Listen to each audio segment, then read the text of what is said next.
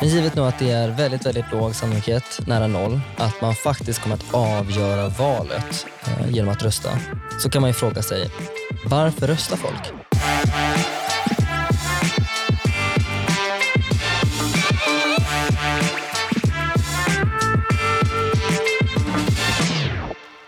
Du lyssnar på Ekonomerna med mig John Norell och Jakob Lundberg. Hur är läget Jakob? Jo då, det är bara bra. Mm. Nu är, det ju, eh, nu är valrörelsen slut här i Sverige och eh, resultatet har kommit in. Eh, en, en väldigt kul sån eh, kampanj som jag noterade på sociala medier, det var P4, P4 ja, bara generellt, som körde ut en så val, eh, ja, förklara valet-guidefilmer. Um, jag kan spela upp här för dig. Valet, så funkar det. Tor, vad menar du med att du inte ska rösta i valet? Men Gloria, jag, jag skiter i det. Jag ligger kvar i soffan och äter chips. För det är värt lika mycket som att gå till vallokalen. V vad menar du? Ja, men jag menar ju det att en enda röst gör ju ingenting. Det bor ju 10 miljoner i det här landet. Vad spelar min röst för roll då? Jo då, varje röst räknas. Och eh, ja, Min första tanke när jag lyssnade på det var så här, ja, men han, han har ju en poäng här. Eh, och visst, eh, varje röst räknas alltså i bokstavlig mening. Det är klart att alla, alla som har liksom eh, på valdagen eller innan valdagen röstat och lagt en, en röst i valurnan, eh, allas röster är ju liksom med i summeringen. Mm. Men här låter det som att de ändå menar att din röst räknas i månen att eh, din röst har någon inverkan på det politiska utfallet. Och ja. eh, chansen för det är ju försvinnande liten. Ja, men många verkar ju agera och prata som om att det är så. Utom då Tord i det här klippet. Ja, och sen fortsätter då eh, klippet så här då när Titti då eh, ska förklara hur det, hur det ser ut, hur det, hur det funkar. I det senaste riksdagsvalet 2018 så fick till exempel Vänsterpartiet 8% av rösterna medan Centerpartiet fick 8,61 där skilde det drygt 4 000 röster mellan de båda partierna och det innebar att Centern fick tre mandat fler än vänstern. Och med tanke på hur små marginaler det kan vara i riksdagen så är varje röst viktig. Allas röster räknas. Jo, okej. Okay. Det, det, är klart att det är jämnt när det är 4 000 röster som, som skiljer. Men det är fortfarande 3999 röster mer än vad jag har. Så att min röst, vad jag röstar på, kommer ju inte liksom påverka eller avgöra vem som får regeringsmakten. Nej, men precis. För i enda, enda fallet där man faktiskt, alltså där min röst avgjorde valet, det är om det blir helt och hållet jämnt. Att det verkligen är eh, vänstern och högern får exakt lika många röster och då kommer min röst ha avgjort valet. Men det är en väldigt liten sannolikhet. Ja, men precis. Alltså, I valet 2014 då fick eh, Miljöpartiet till exempel 285 899 röster.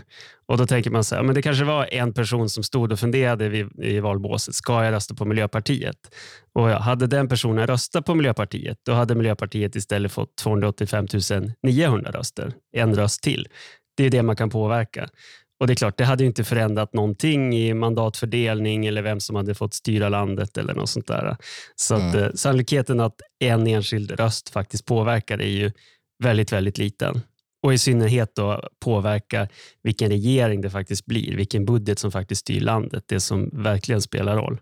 Om vi nu tänker att vi skulle vara i situationen innan valet nu, hur, um, så du räknar på vad, vad sannolikheten är för att ens röst skulle påverka valet, eller avgöra valet? Ja, precis. Alltså man tänker sig en väljare inför valet som bestämde sig, egentligen ska jag gå och rösta eller inte? Eh, då den information som den väljaren hade tillgänglig var ju opinionsundersökningarna som fanns där. Eh, och på slutet, så jag tittade på någon sammanställning som sa att det visade på 49,5 procent för högerblocket och 49 procent för vänsterblocket. Alltså en halv procentenhets skillnad. Ja, väldigt jämnt ändå. Ja, mm. och, men då är det en, en felmarginal förstås på, på 4,5 procentenheter eh, för de här siffrorna. Så det var ju mm. jämnt men ändå osäkert med tanke på att det finns osäkerhet i opinionsmätningarna och folk kan ändras inför valdagen och sådär. Eh, men det här kan man ju använda, då, de här siffrorna. Givet den här informationen, hur stor procent är uppskattningen att det ena blocket får och vad har vi för felmarginal på det här? Då kan man då räkna ut vad är sannolikheten att det blir exakt jämnt i valet, att båda blocken Ja. får exakt lika många röster. Så att det är den där sista rösten som är avgörande och som då bestämmer vem som faktiskt får majoritet. Precis. Nu, nu bortser vi från att det är mandatfördelning och valkretsar och så vidare, men vem som faktiskt får flest röster. Eh, och då hittade jag en vetenskaplig artikel här, Margolis 1977, och med en formel som finns där så kan jag räkna ut att sannolikheten för att en enda röst var avgörande i det här valet är en på 400 000 ungefär. Mm. Med andra ord, eh, uh, jag vet inte, hur många, hur många val kommer man att uppleva under sin livstid? Eh, det, är ju, det är långt från den siffran. Eh, men men om, man, om vi skulle spela upp eh, valet eh, 400 000 gånger, så i ett fall av alla de här gångerna så, så förväntas vi oss att, eh, eh, att vi skulle fått exakt eh, lika många röster för både vänster och högerblocket. Och i det fallet, då kommer en röst att vara avgörande. Ja, men precis. precis. Eh, sen så, ja, det, En del kanske bryr sig om den exakta mandatfördelningen också i riksdagen. Eh, och I Sverige finns det ungefär en riksdagsledamot på 20 000 väljare. Och Det är då för att du har tagit antalet röstberättigade eh, och delat på antalet eh, ledamöter i riksdagen till 149. Ja, precis. Och då, ja, ungefär en på, på 20 000. Eh, och Då kan man då säga att ungefärligen så är också sannolikheten att en enskild röst påverkar mandatfördelningen är också då en på 20 000. Att det är min extra röst som gör att Miljöpartiet får ett extra mandat på bekostnad av Vänsterpartiet eller vad det nu skulle kunna vara. Mm. Eh, Så det är lite större sannolikhet där. Eh, Men samtidigt är det kanske färre väljare som faktiskt bryr sig om får mitt parti 45 eller 46 mandat. Ja, kanske. Jag vet inte. Eh, Det beror väl också kanske på eh, hur insatt man är i, ja, att man tycker om olika kandidater och sådär. Ja, men precis. Och det är klart, mandatförhållandena påverkar ju också vem som har bäst styrka i budgetförhandlingar och sådär. Mm. Men som sagt, sannolikheten att påverka även mandatfördelningen är ju väldigt låg. Eh, Och De här sannolikheterna är ju ännu lägre i USA. Där finns det ju forskning och simuleringar som har tittat på då, vad är sannolikheten att påverka ett presidentval. Eh, Och det är så, ja, men bor man i riktiga swing states, som New Mexico, New Hampshire, Virginia, Mm. alltså sådana som är ganska jämna mellan Republikanerna och Demokraterna, eh, då har man räknat att sannolikheten är ungefär en på 10 miljoner att Ja. en enda röst påverkar valet. Och i de delstater där man egentligen, ja, som inte är swing states, då är, då är egentligen sannolikheten ja, egentligen noll. En Ja. på många, många, många fler miljoner kanske. Eller? Ja, alltså enligt en studie så sa de att de som har minst sannolikhet att påverka de som bor i Oklahoma, det är ju en extremt röd delstat där Ja. i princip alla röstar på Republikanerna. Eh, Så sannolikheten att Oklahoma då skulle bli helt jämnt eh, så att eh, det är bara en enda röst som avgör om Oklahoma går till republikansk eller demokratisk presidentkandidat. Eh, För där är det, man vinner ju hela delstater i USA. Eh, Så att först ska man då ha valet i Oklahoma ska ju vara helt jämnt Mm. och dessutom ska då valet på nationell nivå vara vara helt jämnt, jämnt ja. ja, i elektor, elektorskollegiet. Mm.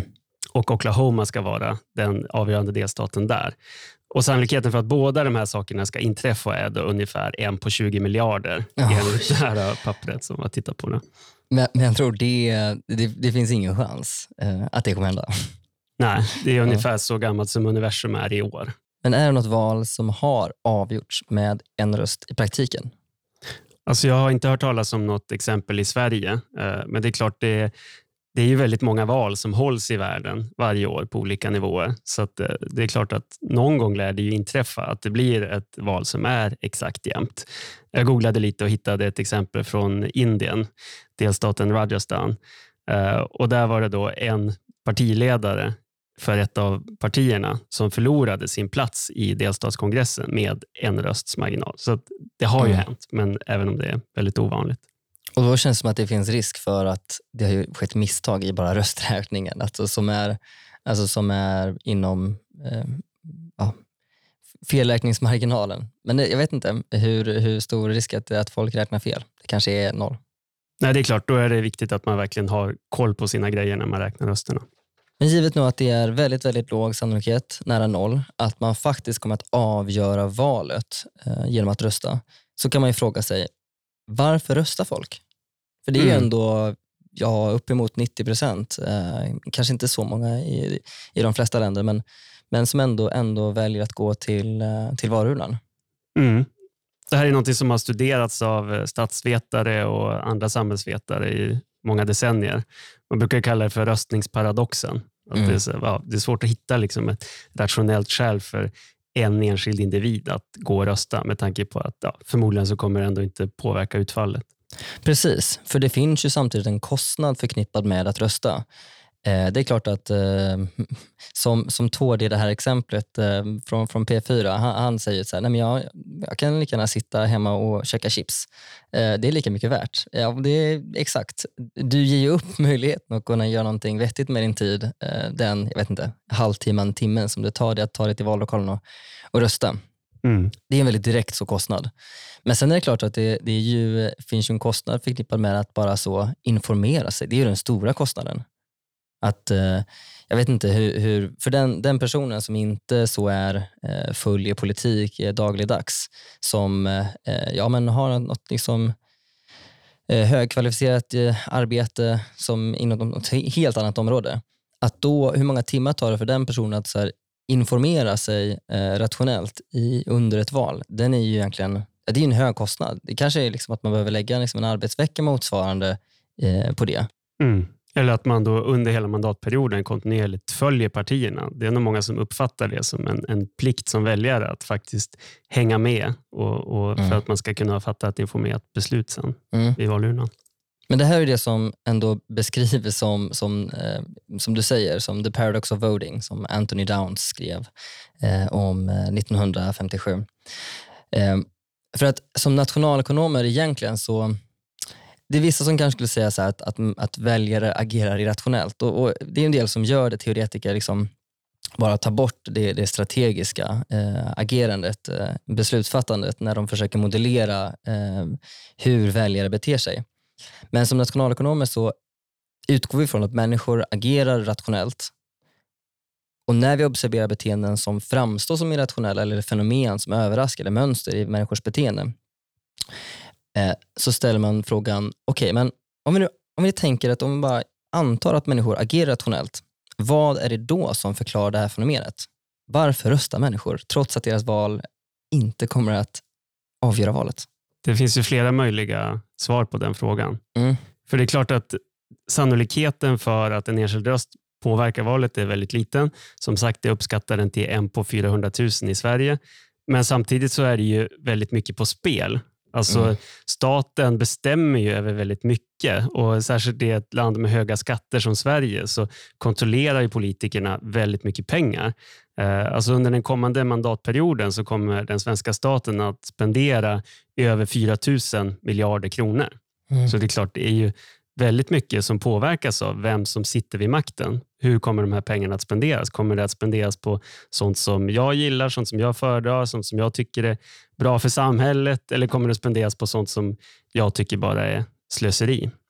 Så vi kan ju tänka så här, men jag tänker att om mitt parti vinner valet, då kommer de att använda de här pengarna 1% bättre. Mm. Eh, och över hela mandatperioden så blir det då 40 miljarder i vinst. Då. Om, man, Mm, om den mm. totala budgeten är 4 000 miljarder, om man använder 1% bättre, så 40 miljarder står liksom på spel. Eh, och Sannolikheten att jag avgör valet är en på 400 000. Då kan man se det här som att det är ett sorts lotteri. Där om jag vinner det här lotteriet, då är vinsten 40 miljarder. Eh, och Sannolikheten att jag vinner är en på 400 000. Eh, Så man kan ju bara dela de här med varandra och säga att den förväntade vinsten för mig om jag deltar i det här lotteriet genom att rösta Mm. är ändå 100 000 kronor. Intressant ändå att göra det i jämförelse med ett lotteri. Det är ju ehm, väldigt träffande att eh, när man går och röstar, det är som att köpa en lott. Eh, hur, mycket, hur, mycket då per, hur mycket blir det då per eh, den förväntade vinsten per person? Ja, alltså om det är 100 000 kronor totalt sett för hela Sverige. Mm. Om man delar det med Sveriges befolkning, ja då blir det ju ett öre per invånare. Okej, ja, det, är- det är ju inte särskilt mycket då. Så att om man agerar liksom, eh, från sitt, sitt bara, bara sitt egen intresse, då, då är det kanske inte helt rationellt att rösta. Men det är klart, om man agerar altruistiskt eller att man, man, man bryr sig om eh, sina nära och kära och andra människor i Sverige, så, då kan det ju vara mer rationellt kanske, eller? Ja, men precis. Alltså man tänker sig, men här, genom att rösta så skapar jag ett värde på 100 000 om vi antar då att om mitt block vinner så använder politikerna pengarna 1 bättre. Mm. Um, jag skapar ett värde på 100 000 och av det så kommer jag då personligen att få ett öre och resten av de här 100 000 kommer tillfalla alla andra i samhället. Mm. Så att, eh, ja, det beror ju på. Då. Hur Är jag så att säga altruistisk, utilitaristisk, bryr jag mig om andra eller är jag mera självisk så att säga? Mm, mm. Och sen är det klart att det är, nu, nu pratar vi bara om budget, men sen finns det ju eh, ja, men rättsfrågor, eh, invandring, migration, allt sånt där eh, är ju det är klart att det spelar in också och eh, i en nyttokalkyl bör, bör det också finnas med. Även om det är svårt att, att eh, så beräkna eh, i siffror, siffermängd hur mycket, hur mycket vi, den enskilde, kanske borde ta det i beaktande. Mm, mm. Men igen då, för nu, nu tänkte du så här, att ja, men man, om mitt parti vinner, ja men då kommer de spendera pengarna 1% bättre. Men för, och, och för dig och mig och många av de som lyssnar på, de här, på den här podden, ja men de eh, är ju liksom politiskt informerade. Men det är klart att om man nu tänker de här människorna som inte, har, liksom, inte följer politik eh, dagligdags, eh, de vet ju inte vilka, vilket parti eller vilket politiskt alternativ som faktiskt kommer att spendera pengarna bättre. Eh, och då, då är frågan för dem liksom att eh, ehm, det, det, kan vara liksom ändå rationellt att vara ignorant om politik och vara oinformerad här. Mm. Ja, det bygger på något sätt att man tror att man är mer informerad än andra. Att man kan liksom förbättra beslutet. Men om man är så, ja, men jag tror att jag har, är ungefär lika god och ungefär lika informerad mm. som den genomsnittliga väljaren då kommer man inte att göra att resultatet blir liksom ett bättre utfall, att det blir bättre för landet. Mm. Eh, men det, vi har ju alla våra subjektiva preferenser, så att mitt resonemang utgår väl i någon mening från att per definition så tror jag att det parti som jag sympatiserar med kommer att använda de här pengarna bättre och det kommer gynna hela landet då, i någon mm. mening. Och, och skapa ett värde på som sagt 100 000 kronor. Och då är det ju, om man då är en sån person som verkligen bryr sig om samhället och sådär. Att skapa ett samhällsvärde på 100 000 bara genom en insats på en halvtimmes jobb, ja, det är ju det är väldigt bra avkastning. om man jämför att vara volontär i Stadsmissionen eller jobba en timme på sitt jobb och skänka den lönen från den timmen till välgörenhet i Afrika eller så. Det skapar ju betydligt mindre värde än det här att faktiskt gå och rösta då, om mm. vi utgår från att mina beräkningar stämmer. Precis, det, det är ju en, ändå en, en positiv eh, bild av, av statens roll i, i, i samhället. Det är klart, man kan ju också ha en modell av demokratin där man betraktar demokratin en möjlighet för majoriteten att eh, tillskansa sig fördelar på bekostnad av, av minoriteten. Eh, och eh, då, är ju bara, då, då handlar det ju bara om eh, att försöka vinna för att kunna suga ut. Ja, det är klart. Då kan man ju också betrakta det som att man, man eh, som att eh, eh, i det fallet där eh, fel parti vinner, ja men då kommer, då kommer det leda till en kostnad för, eh, för mig och för många andra på, ja, som är ansenlig också kanske. Ja, sen är ju många duktiga att rationalisera. Att det, det som kanske gynnar en själv, att eh, det här handlar det här partiet kommer genomföra en politik som gynnar den del av landet som jag bor i. Eh, men då är väldigt många duktiga att rationalisera det i termer av att det här är rättvist och det här mm. gynnar ändå hela landet. För den produkt som min landsända producerar är så viktig för alla och min yrkesgrupp är så viktig. Och... Ja, jo precis. Nu har vi pratat om, om, om den teorin eller den liksom, idén om att det är av altruistiska motiv som människor ändå röstar. Men, men eh, sen finns det de som menar att det finns andra fördelar kopplade till röstning som inte bara har med att påverka liksom, eh, utfallet av valet. Liksom att det, det, är ett sätt att uttrycka preferenser som, som når till politikerna och eh, vägleder dem i politiskt utövande som är mer kraftfull än bara så opinionsundersökningar. Och Sen finns det väl en ytterligare, eh, som jag kanske tror lite mer på, att eh, det finns andra inneboende värden av att rösta, alltså som handlar om signalering. Ehm, att genom att rösta så signalerar jag till människor runt omkring mig, mina vänner och bekanta och min familj, vad för typ av person jag är. Jag signalerar min grupptillhörighet, eh, mina värden, ehm, om jag är en god människa eh, eller om jag är en intelligent människa. Jag, eh, det, det jag brukar tänka är att så här, vänstern vill signalera att de är goda, eh, högern vill signalera att de är smarta. Och det, och det styr också vad det är för så stereotyp man har, negativa stereotyper man har om den andra sidan. Alltså vänstern brukar ju liksom skrämmas eller liksom, eh, anklaga högern för att vara onda. Medan högern, eller högerpersoner, sympatisörer, brukar liksom ha, ha en negativ bild om, om vänsterpersoner som att de är korkade. Liksom. Mm. Eh, men man pratar liksom helt olika språk. Så att den här, eh, om, om, nu, om vi nu tänker att det handlar om det här med att vi ska signalera vår personlighet till vår omgivning, ja men eh, då kan man ju se på politik som en marknad där politiker står för utbudet, eh, för liksom politiska förslag och liksom en image som de säljer till eh, efterfrågesidan, Mm. alltså vi väljare. Mm. Det är ett paket som de säljer. Mm, precis. Det är policy och det är någon sorts identitet och grupptillhörighet. Och, Mm. Och det de säljer är ju inte, ja, de säljer inte nödvändigtvis den, den, den bästa politiken utan ja, men den bästa imagen eller vad det är för typ av, av signalering eller så som man vill ge ut till sin omgivning.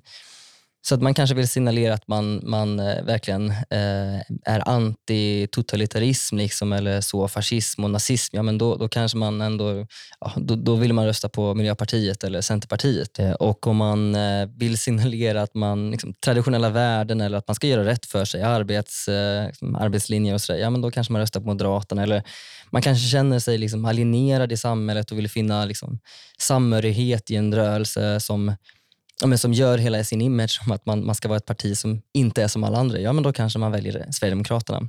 mm. Så att väldigt mycket av, av, av eh, politiken handlar ju om att liksom, signalera en image utåt. Liksom. Ja, och det ser man ju att politikerna är väldigt duktiga på att föra fram det här också. Gud ja, det är bara att kolla på de här valplakaten, eller vad säger valaffischerna. Eh, det är ju liksom eh, the shorthand version av vad är, det för, vad är det för identitet som jag köper när jag röstar på det här partiet. Mm. Medmänsklighet, inte rasism, stod det på Centerpartiets affischer tror jag. Mm. Så det är klart att det är ganska stor skillnad i retorik mellan partierna. De vill ju piska Mm. upp det som att det här är ett ödesval. Det verkar som att alla val är ödesval. Men det, det är alltid väldigt viktigt. Det är mycket som står på spel. Antingen så kommer vi bli liksom Mordor eller så kommer vi bli Ja. eh, Fylke eller Lorien. Eller. Men det står ju i kontrast till när man tittar på vad, vad partierna faktiskt har för förslag, när man Ja. tittar på policy. Eh, om man jämför budgetmotioner till exempel, vad är skillnaden i skattetryck mellan partierna? Det rör sig om promillen i de flesta fall. Eh, och hur mycket pengar man lägger på sjukvården och polisen och sådär. Det kan ju diffa någon miljard eh, av en budget på tusentals miljarder totalt sett om vi pratar om den offentliga sektorn. Mm. Eh, Men det finns ju en, en väldigt naturlig förklaring till att det är små skillnader mellan partierna. Exakt, där har vi medianväljarteoremet, vilket är ett sånt eh, känd eh, eh, teoretisk eh, modell för att förklara varför, eh, varför politiska partier står så väldigt, väldigt nära varandra. Mm. Också uppfunnet av Anthony Downs som du pratade om tidigare. Precis. Om man börjar med att bara tänka att eh, en enkel modell där två stycken glassförsäljare eh, konkurrerar på en, på en solstrand. Så vi har liksom en, en, en lång solstrand som sträcker sig eh, en, en kilometer eller tio kilometer. Eller sånt där. Och, så, och så ska de här två glassförsäljarna bestämma sig vart någonstans ska de, ska de stå för att maximera ehm, eh, försäljningen av glass. Och Då kanske man tänker intuitivt att det vore rationellt att de ja, men lite så delar upp eh, varsin del av stranden där de står och säljer. Eh, men, det man, men det man då kommer se är ju att eh, båda de här glassförsäljarna har incitament att, att röra sig lite, lite eh, mot mitten eftersom att då kommer avståndet som massor med badgäster eh, har för att gå till, till eh, den, den ena eller andra kommer att, att eh, sjunka eller minska. Så att båda två har incitament att röra sig mot mitten tills det visar sig, liksom, det, i slutfallet så kommer vi ha att båda de här två glassförsäljarna står exakt samma eh, ställe i mitten av stranden. Mm. Och så kommer då de ta hälften av marknaden var. Precis. Badgästerna kommer gå då till mitten av stranden och där så, ja, det är som slumpmässigt. Man kan välja vilken som av de här två glassförsäljarna. Och så här kan man ju då se på politik också.